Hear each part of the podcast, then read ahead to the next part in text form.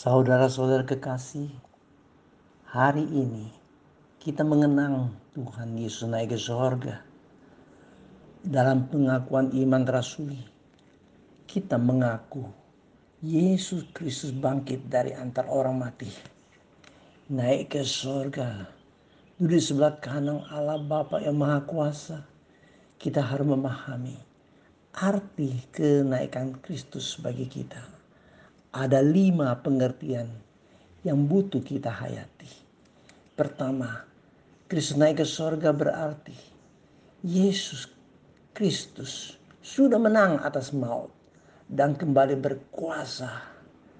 Catatan di Matius pasal 28 ayat 18 sampai 20 sangat indah dan jelas.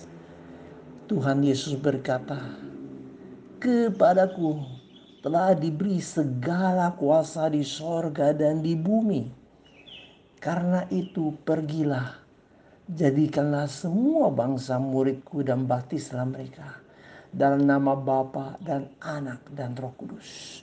Dan ajarlah mereka melakukan segala sesuatu yang kuperintahkan kepadamu. Dan ketahuilah aku menyertai kamu senantiasa sampai kepada akhir zaman. Yesus naik ke surga menjadi raja segala raja. Maka hanya satu nama, nama Yesus kita diselamatkan. Hanya dalam Kristus kita hidup sebagai anak-anak Tuhan. Pengertian kedua, Yesus naik ke surga untuk menyediakan tempat bagi pengikutnya Injil Yohanes pasal 14 ayat 2 dan ayat 3. Yesus berkata di dalam rumah Bapakku banyak tempat tinggal. Sebab aku pergi ke situ untuk menyediakan tempat bagimu.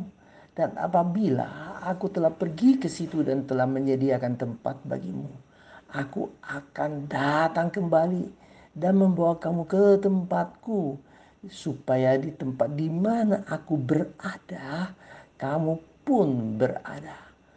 Entah tempat itu namanya sorga atau Firdaus atau kota Yerusalem baru. Pokoknya di mana pun Tuhan Yesus berada, itulah sorga. Tuhan Yesus berpisah dengan murid-muridnya secara fisik tapi secara roh Tuhan Yesus tetap menyertai kita. Dalam Kristus tidak perlu gelisah dan takut. Karena ketika meninggal ada keyakinan pulang ke rumah Bapa. Ketiga, Yesus Kristus naik ke sorga untuk menjadi kepala gereja. Karena gereja disebut tubuh Kristus. Efesus pasal 4 ayat 15. Tapi dengan teguh berpegang kepada kebenaran di dalam kasih, kita bertumbuh di dalam segala hal ke arah Dia, Kristus yang adalah kepala. Hal ini sangat penting dihayati karena gereja di bumi ini makin hari hanya menyadari gereja sebagai organisasi belaka yang bersinode dan sebagainya. Sangat kurang menyadari gereja sebagai tubuh Kristus dan Kristus adalah kepala gereja. Keempat, Tuhan Yesus naik ke sorga untuk memberi kepada kita penolong yang lain, yaitu roh kebenaran.